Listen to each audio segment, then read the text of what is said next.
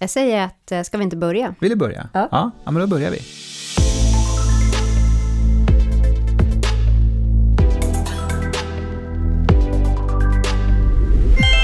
Hej och välkomna till Hållbara Bibblan, en podd om bibliotekens arbete med de globala målen. Jag heter Therese Raimond och vid min sida som fixar tekniken har jag Kjell Eriksson. Och idag har jag tagit fram en extra mikrofon, för vi har en gäst här. Det har vi och det är Kata Nylén. Hej Kata! Hejsan, hej! Vem är du? Jag eh, är psykolog, legitimerad psykolog, specialistbehörig i organisationspsykologi, men jobbar som klimatpsykolog. Alltså jag jobbar med organisationspsykologi i olika typer av hållbarhet och klimatfrågor och projekt. Så det är jag. Idag kommer vi att prata på temat kommunikation för en hållbar värld. På vilket sätt jobbar en klimatpsykolog med det? Ja, på olika sätt. Eh, jag driver en plattform som heter Klimatpsykologerna, som eh, det är egentligen en folkbildningsplattform skulle jag nog säga framför allt. Vi har lite olika egna projekt, som till exempel ett arvsfondsfinansierat projekt där vi jobbar med att kommunicera med barn och unga kring klimatfrågan. Men vi jobbar också mycket med att sprida information på sociala medier om klimatpsykologi och föreläsa, hålla workshops om klimatpsykologi. Och då är ju frågan ganska ofta så här, varför händer inte så mycket fast att vi vet vad vi ska göra? Vi vet hur akut läget är, vi läser rapporter vi läser nyheter om detta, vi får information om vad vi ska göra, hur man ska göra för att minska utsläpp. Ganska många har koll på vad som släpper ut mycket, vad som släpper ut lite och så vidare. Men ändå så sker inte den här beteendeförändringen. Och är det något som psykologer är bra på är det ju just beteendeförändring. Det är en av de sakerna som vi jobbar mycket med, som alla psykologer jobbar med egentligen. Men det som är lite speciellt med klimatpsykologi är just att vi vi verkar inte riktigt funka på det sättet som vi alltid gör i alla andra lägen när det är i relation till klimatförändringarna. Så vanligtvis till exempel när någonting hotar våra liv, då gör vi det som krävs för att skydda oss. Det är en sån naturlig reaktion annars, som att när vi kanske drabbas av cancer och så får vi reda på från experterna att vi ska ta cellgifter, då gör vi det, fast att det är ganska jobbiga biverkningar och fast att vi inte vet om det kommer rädda oss i slutändan. Så det är ju ett naturligt sätt, liksom psykologiskt naturligt sätt att reagera. Men när det kommer till klimatfrågan, då är det som att vi gör lite tvärtom. Vi distanserar oss från klimatfrågan, vi håller på med annat, vi kanske tycker det är någon annans ansvar, vi diskuterar, argumenterar, men vi kommer liksom inte igång med beteendeförändringen. Och där blir ju både kommunikationen viktigt, alltså hur vi pratar om klimatförändringarna och eller egentligen hela hållbarhetsspektrat, hur vi pratar om det här. Men också vad som händer efter att vi informerar, för det finns ju ett gap då mellan information och intention och vilja och faktiskt beteendeförändring. Och då handlar kommunikation ganska mycket om vad gör vi däremellan då, då i det här gapet mellan informationen och beteendeförändringen. Men du, hur ska vi kommunicera bättre för en mer hållbar värld då? Ja, det är ju en ganska stor fråga, men eh, generellt kan vi säga att eh, våra hjärnor funkar lite på det sättet att vi tycker inte om att bli av med saker till exempel. Vi har något som heter förlustaversion, som eh, är helt enkelt så att om jag skulle ge er tusen kronor till exempel nu, då skulle ni bli jätteglada, tänka härligt med tusen kronor. Eller så tar jag tusen kronor av er, då skulle ni tycka det var mycket jobbigare kanske 2,5 gånger jobbigare om vi ska tro på den forskningen som har kommit fram till förlustaversionen. Vi tycker att det är mycket jobbigare att bli av med saker än vi tycker om att få saker. Och när vi pratar om klimatomställning och det här att liksom börja leva mer hållbart, då är det ofta att det liksom är lite synonymt med ett torftigt och fattigt liv, att man ska sluta göra massa saker, man ska sluta äta på det sättet som man har ätit, man ska sluta resa på det sättet man har rest, man ska sluta med massa grejer. Och det triggar verkligen igång vår förlustaversion. Så där blir det viktigt när vi kommunicerar att vi också beskriver vart vi är på väg någonstans, att vi börjar visionera och börjar visa vad vi har att vinna på en omställning, snarare än att bara prata om att minska. och sluta med saker. Så ofta är det som att vi är på väg som i en tunnel mot något svart. Vi ska bara springa ifrån klimatförändringarna. Och så vet vi inte riktigt vad som är i slutet på den här tunneln. Vi vet inte alls vad vi är på väg, men vi vet att vi måste sluta med massa saker. Det blir inte så lockande. Om vi istället i vår kommunikation pratar om vart är vi på väg någonstans? Hur ser det ut där framme? Och kanske vågar visionera, vågar drömma lite om det. Då har vi mycket att vinna på det rent psykologiskt, att få med oss fler folk på vägen någonstans. Vi har ett tydligt meningsfullt mål någonstans. Och grejen är om vi kollar på lyckoforskning till exempel, vad som gör oss människor lyckliga, då är sådana grejer som ligger på topp 10-listan, det är sånt som inte släpper ut ett enda gram koldioxid, eller behöver släppa ut ett enda gram koldioxid i alla fall. Som att vara med sina nära och kära, som att eh, jobba tillsammans mot ett meningsfullt mål, ha sex, vara ute i naturen, njuta av god mat, sådana där saker som liksom kan göra oss verkligen lyckliga. Det är ju sånt som går ganska tätt hand i hand med ett hållbart liv egentligen. Får jag komma in med en liten grej här?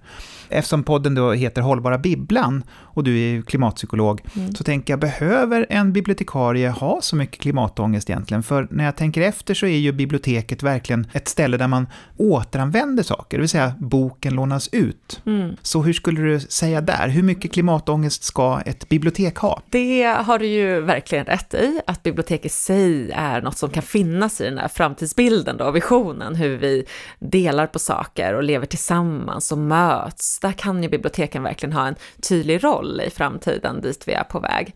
Men på svar på frågan om en bibliotekarie ska ha klimatångest eller inte, så ska jag nog ändå säga så att eh, alla, så länge planeten inte mår bra, så länge vi har ohållbara strukturer i vår värld, så är det helt rimligt att ha obehagliga känslor kopplade till det, oavsett om man är en del av det själv eller inte.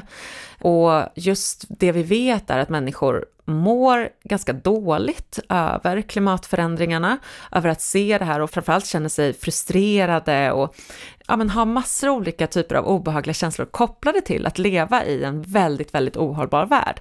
Så att uppleva klimatångest, som egentligen är ett samlingsbegrepp för alla obehagliga känslor vi känner när vi ställs inför klimatkrisens magnitud, men obehagliga känslor kopplade till klimatkrisen kallas klimatångest. Och klimatångest är som en slags termometer på hur planeten mår. Och det är olika typer av känslor som egentligen säger till dig att du ska agera kollektivt, att du ska göra saker tillsammans med andra. Så de bibliotekarier som känner klimatångest eller upplever ett litet gnag i kroppen kroppen, man kan uppleva det på olika sätt, men obehagliga känslor till det här skulle jag säga att det är jättebra, för det är helt rimliga reaktioner. Det betyder att man kan uppleva solidaritet. Vi vet att det är fortfarande redan massor människor som lider på grund av klimatförändringarna.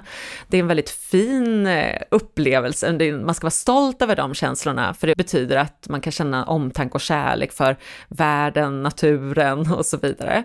Och att använda sig av de känslorna istället, för de säger till en att man ska göra någonting. Och det tror jag att många bibliotekarier däremot sitter med, att vad är det vi ska göra då för någonting? Vad, vad betyder det här gnaget i kroppen? Vi vill också ha en roll i det hela. Och då kanske det inte primärt är, hur ska vi minska våra utsläpp på biblioteket? För det är ju redan en sak som bibliotek i sig är bra på. Möjligtvis öka utsläppen av kunskap. Ja, möjligen, precis. Öka andra typer av utsläpp. Öka utsläppen av kunskap, öka utsläppen av eh, sammanhang, öka utsläppen av möjlighet för eh, människor att mötas och prata om de här känslorna, öka utsläppen för möjlighet att kanske ändra narrativet kring hur vi relaterar till klimatförändringar. Kanske vi behöver ett mer emotionellt narrativ där vi också får tillåta oss att känna de här känslorna, att gå från det här mekaniska sättet att förhålla sig till klimatförändringarna, bara utsläpp, till att det faktiskt är en existentiell fråga, en fråga vi behöver mötas kring och enas kring. Där tror jag att eh, biblioteken har en ganska stor roll faktiskt. Ser du att biblioteken skulle kunna vara en plats som samlar folk och på något sätt jobbar med de här beteendeförändringarna mm. som du märkte? Ja men absolut, så när vi pratar om omställning så är det ju lätt så att vi har hamnat i att prata om beteendeförändring och det handlar ju om beteendeförändring, men det kanske inte primärt är den beteendeförändring vi tänker oss. För vi pratar ofta om det som vi kallar för konsumentbeteenden i olika miljösammanhang, som är då vad man gör med sina pengar, sina egna utsläpp helt enkelt, så här hur man, vilka mat Eh, grejer man köper i affären, vilka kläder man köper, vilka resor man köper och så vidare.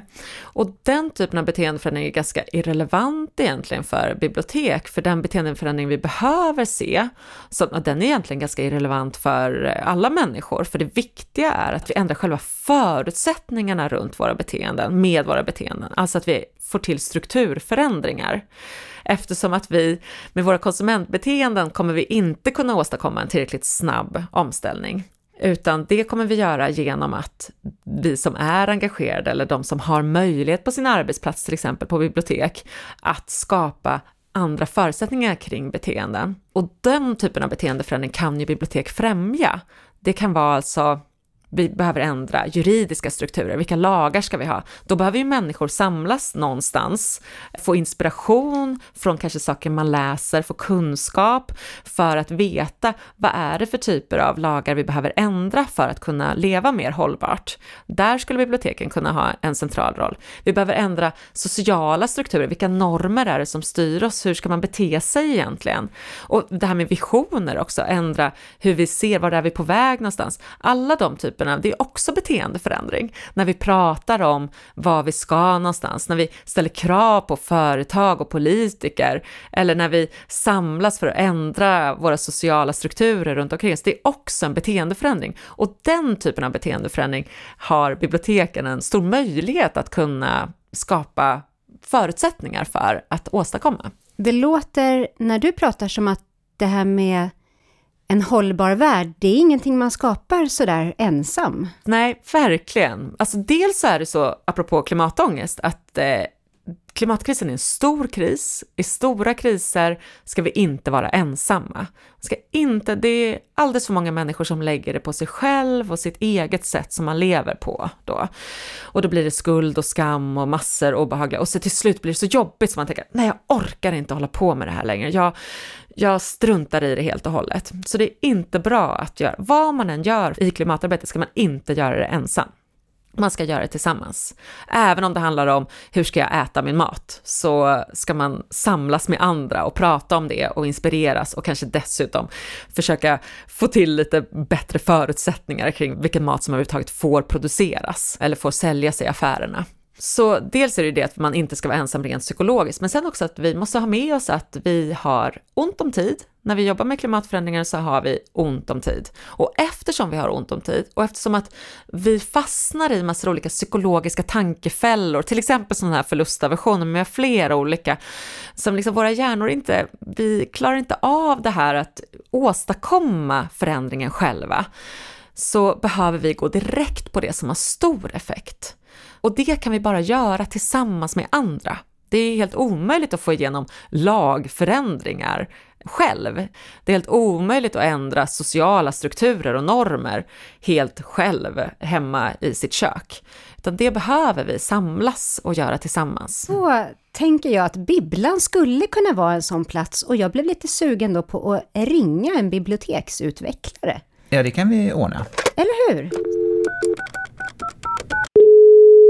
Tove Eriksson Wąsowski.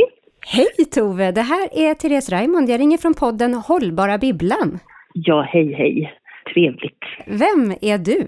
Jag heter Tove Eriksson Rosowski och jag är utvecklare bibliotek på Region Skånes kulturförvaltning. Vi sitter här och pratar om kommunikation för en hållbar värld. Ja. Vad tycker du att biblioteken kan göra på det temat? Jag tänker att biblioteken har alla möjligheter att kommunicera för en hållbar värld med sin position i samhället. De folkbiblioteken finns i alla kommuner och de är öppna för alla. Och de har jättemycket kunskap och de har stora samlingar med böcker och digitala resurser. De har superkompetent personal och de har kontaktytor i sitt lokalsamhälle. De kan ju vara också en, liksom en samlingspunkt i kommunen eh, och eh, liksom en informationspunkt. Ja, de har ju en helt fantastisk position för det. Och de har programverksamhet också. Det är många bibliotek som redan arbetar ganska mycket med liksom att eh, kommunicera om en hållbar värld. Men de gör det väldigt mycket genom att bara vara det de är, liksom, tänker jag till att börja med. Ja, men du, om, om jag känner eh, lite klimatångest, då, då kanske inte biblioteket är första stället som jag tänker att jag ska gå till? Nej, det tänker jag att det nog inte är. Men det skulle man ju kunna ändra på genom att lite, vara lite tydligare kanske som folkbibliotek med att man kan komma dit med sin klimatångest eller sin oro eller sin liksom, längtan efter mer kunskap eller sådär. Och det tror jag handlar ganska mycket om bilden av biblioteket. Jag tänker att man jobbar på ett bibliotek eller med biblioteksfrågor så har man en bild av ett bibliotek, vad det kan vara och vad det är. Men ganska ofta när man träffar människor utanför biblioteksvärlden så har de en annan bild av biblioteket. Det är fortfarande den här liksom, ja men dit går man för att låna böcker eller alltså, ja, kanske gå på något föredrag eller författarsamtal eller sådär. Men man tänker kanske inte på att det också är en samlingspunkt för liksom lokalsamhällets engagemang i olika frågor eller så. Och man tänker kanske heller inte på att om man själv vill engagera sig eller ta reda på mer eller liksom fördjupa sig i någonting, att man kan använda biblioteket som en plats för det engagemanget och, och den liksom längtan efter, efter sammanhang och mer kunskap och så. Det tror jag, att biblioteket kan bli bättre på att kommunicera utåt vad de är för någonting. De skulle kunna jobba på sin image som en eh, klimataktör? Ja, det tänker jag. Och då är det väl bara att börja prata om det man gör. För det är ju som sagt så att det är många som redan jobbar mycket i den här riktningen då. Och har jättespännande föreläsningar till exempel. Och de har, det finns också de som, som tar vara på liksom, till exempel ungdomars engagemang i olika frågor och sådär. Och då skulle de ju bara, tänker jag, kunna koppla på det här med just klimatet som ämne och bli kanske lite bättre på att det, få det att synas utåt. kan man ju ta hjälp till exempel av alltså media, lokala tidningar och radio och tv-kanaler och berätta vad man gör eller helt enkelt bara börja i en ände med att ha någonting som har rubriken med klimatet. Att man, är duktig på att liksom, ja, berätta om det man gör helt enkelt och kanske också göra lite nya saker. Eh, Tove, hallå? Ja. Får jag ställa en ja. fråga också? Det är Kjell här glömde jag säga kanske. Ja, hej Kjell. Det är precis som ni säger att biblioteket är en plats dit man kanske i första hand tänker att man ska låna en bok. Men att man här då ja. skulle kunna liksom bredda det här på något sätt inom det här ämnet. Men om du då ändå skulle lura dit någon som bara tänker böcker, vilken bok tror du skulle kunna passa som ett tips här, där man skulle kunna starta i de här frågorna? Har du några bra boktips? Katans bok. Boken Klimatpsykologi kanske? Ja, man kan ju också tänka att man i samtal med en låttagare som kommer och är intresserad så kan man ju luska lite grann också och se om det finns liksom, ja men finns det ett intresse för odling, finns det ett intresse för, för mat, finns det ett intresse för eh, vet inte, återbruk. Alltså, man kan ju koppla på hela batteriet där liksom med, med litteratur och, och medier som skulle kunna vara intressant. Det finns ju också jättemycket digitala medier, jag tänker på Utbildningsradion har ju superbra man kan försöka att kolla lite grann, ett vanligt sånt där så kallat referenssamtal som man har på bibliotek. Liksom, var kan man hitta in till, till ett engagemang hos den här personen kanske? Det du säger Tove eh, går ju väldigt mycket hand i hand om man tänker psykologiskt på kommunikation för en hållbar värld. För vi tänker ju lätt att eh, ja, men man ska, pratar vi om hållbarhet, och då är det en viss typ av person vi riktar oss mot. Och där blir ju din fråga Kjell direkt så här, ett exempel på det. Vilken bok ska jag läsa om jag är intresserad av hållbarhet? Men egentligen så berörs ju alla människor av klimatförändringarna och alla människor är inte likadana. Alla människor är inte intresserade av samma sak. Så ska vi kommunicera på ett sätt som, där vi når många, då behöver vi kommunicera på olika sätt. Det finns inte ett sätt som är det rätta, utan det handlar snarare om vad är intressant för dig? Vad är du intresserad av? Och det som är grejen med klimatförändringarna, eller om vi tar då hela Agenda 2030, ännu mer det, men bara klimatförändringar, om vi bara tar det målet, det är att det berör alla olika typer av intressen. Är du intresserad av mat? Absolut, det finns massor att lära sig om hur allt ifrån matproduktion skulle kunna göra mer hållbar till hur jorden kan bli mer hållbar. Om du är intresserad av att laga mat, vad kan du laga som är hållbart? Men också på vilket sätt kommer din mat bli berörd av en klimatförändrad värld? Vad kommer du kunna laga då? Men är du intresserad av något helt annat som eh, musik till exempel? Ja, men då blir det vilka artister är det som är engagerade i klimatfrågan? Vad finns det att läsa där? Och hur skulle musiken kunna vara en roll i klimatfrågan? frågan. Vad du än är intresserad av kan du ju komma till ett bibliotek, för det mesta finns ju, de flesta intresseområden finns på bibliotek, och kunna nå på det sättet. Vad tror du om det Tove? Ja, det låter ju eh, idealiskt. Ja, men eller, eller hur? Men tror du att man behöver då som bibliotekarie stöd i att Eh, ja, kunna vägleda folk utifrån intresseområden till hållbarhetsfrågan? på något vis. Jag tänker på det här som vi pratade om, identiteten eller imagen för biblioteket. Eller att om, om biblioteket mer, om man tänker Agenda 2030 stort, så jobbar ju biblioteken bara genom att vara det de är, så jobbar de ju med supermycket av den sociala hållbarheten. Alltså de målen som finns i, i Agenda 2030. Man kanske inte tänker på det bara, sådär att man medvetandegör, alltså man sätter ord på det för sig själv att man jobbar med hållbarhet. Då blir det också lättare att, att utåt vara den här liksom guiden då och kunna se liksom engagemanget hos andra när det är liksom någon som kommer och har det och, och sådär. Eller kunna att man har det med sig bara på något vis för en medvetenhet. Att man tänker i de termerna. Du nämnde begreppet referenssamtal. Visst är det det vi är inne på nu? Att man liksom kan utifrån en ganska snabb bedömning av en person försöka hitta rätt väg för den? Ja, det tänker jag. Man kan, det, är väl, det är väl mycket psykologi, tänker jag, också. Och kommunikation såklart. Att, men det, men har man med sig den där tanken om att, att biblioteket är en, en plats, att man, att man känner det i sin identitet som bibliotek, att vi är en plats för liksom att kommunicera hur ett hållbart samhälle skulle kunna se ut.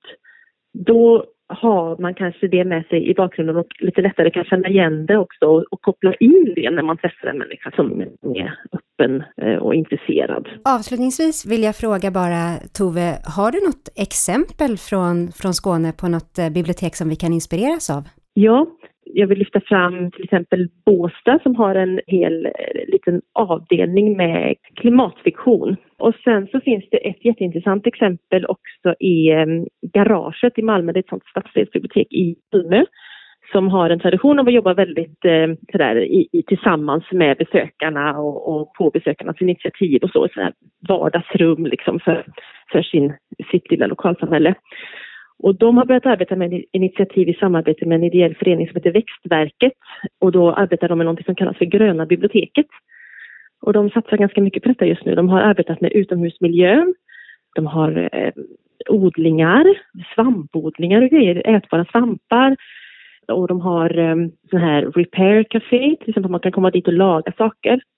De jobbar liksom både med platsutveckling och pedagogik kring hållbarhet och ger exempel på tillsammans med invånarna hur man kan arbeta för en hållbar livsstil och, och en hållbar stad och sådär. Men vilken bra inspiration! Tusen tack Tove för att du var med oss idag och gav oss den. Ja, tack själv. Kul att vara med. Ja, hej då! Hej då! Hej då! Hej då! Vad tänker du, Kata, om just bibliotekariens uppdrag? Ja, jag ska ju inte uttala mig mer om den professionen än vad jag vet egentligen, som inte är bibliotekarie. Men jag blev också väldigt inspirerad av Tove och eh, inspirerad av allt som, vi har ju ett samarbete med dem i Skåne nu också med vårt arvsfondsfinansierade projekt Terapi. Och Vad ska det, ni göra i det projektet? Ja, vi ska ha en eh, träff med ett gäng bibliotekarier där som har anmält intresse för att eventuellt ta fram, det vi gör i terapi är nämligen att vi har något som heter klimatkänslogrupper för unga människor mellan 12 och 25 år.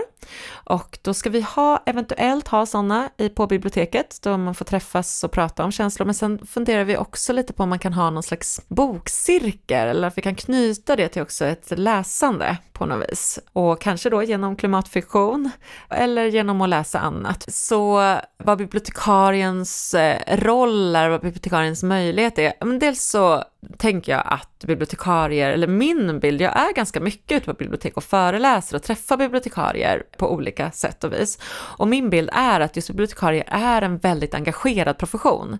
Så jag tror också det är relevant i det här att hitta sin roll i hållbarhetsarbetet och öka engagemanget på, genom biblioteken eh, behöver man nog värna lite om sin egen hållbarhet också som bibliotekarie, för att det är just eh, ja, men en engagerad eh, kår eller en engagerad eh, profession.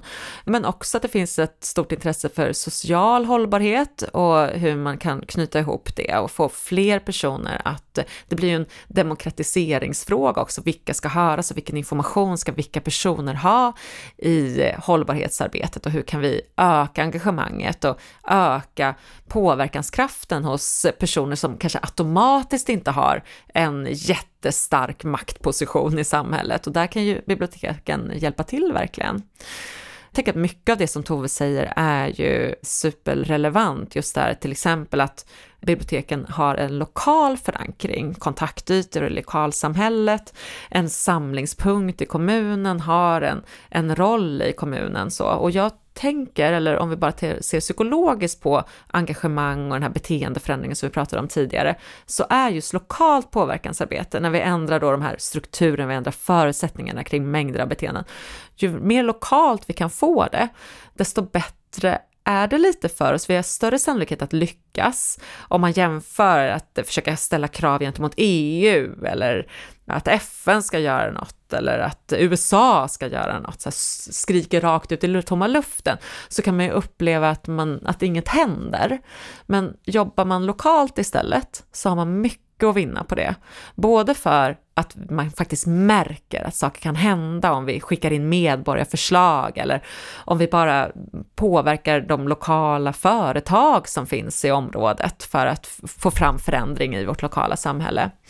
Och det är liksom bra psykologiskt för att, att man får reda på att när vi samlas, är flera som går ihop, då märker vi att det blir en förändring. Då känner man hopp och hopp är väldigt centralt för att kunna hantera de här obehagliga känslorna. Men sen finns det också en funktion med att arbeta lokalt och samlas lokalt i resiliensmässigt, alltså att vi också förbereder oss för kriser, för klimatförändringarna är här, den kommer ha oåterkalleliga konsekvenser, vi kommer vara i olika kriser, vi har varit igenom en pandemi, nu har vi krig i Europa, det kommer vara kriser också runt omkring oss. Så när vi pratar om resiliens, då pratar vi om att vi ska minska risken för krisen, det är mycket där vi fokuserar, vi ska minska utsläpp, vi ska minska påverkan på biologisk mångfald och så vidare. Men vi har också ett annat ben i resiliens som är anpassning och förberedelse.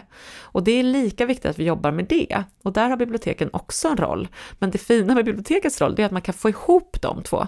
För det som vi gör när vi bygger anpassning och förberedelse, det är att vi blir bättre på att samarbeta, vi blir bättre på att samverka, vi blir bättre på de här kollektiva beteenden, samarbetsbeteenden och det tränar vi på när vi går tillsammans med varandra och kanske försöker påverka lokalpolitiker, lokala företag, ändra som garaget gjorde som Tove berättade, bygga nya miljöer som är mer gröna och bättre för biologisk mångfald och så vidare.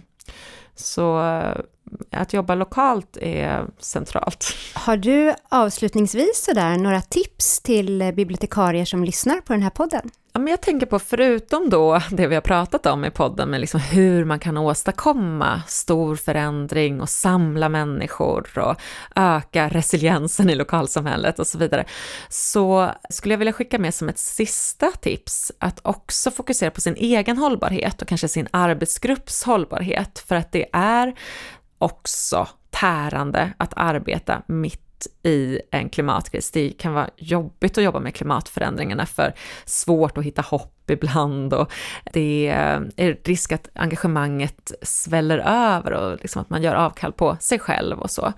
Så att eh, arbeta för att också hitta en hållbarhet eh, för sig själv, kunna hitta sätt att återhämta sig, att prata med varandra, stötta varandra, jobba med själva arbetsgruppen också parallellt eh, med eh, vad arbetsgruppen ska göra, också hur kan arbetsgruppen må bra samtidigt som man jobbar med det här.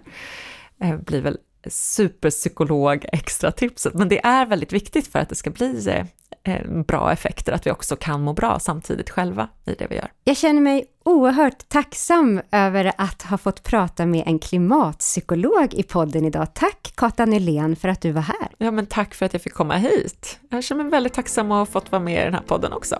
Du har lyssnat på Hållbara Bibblan, en podd från Biblioteksutveckling Sörmland och bibliotekens arbete med Agenda 2030 och de globala målen. Vi som producerade podden heter Therese Raymond och Kjell Eriksson. Och då var vi klara med podden. Ja, vi var det. Men inte med klimatförändringarna. Nej.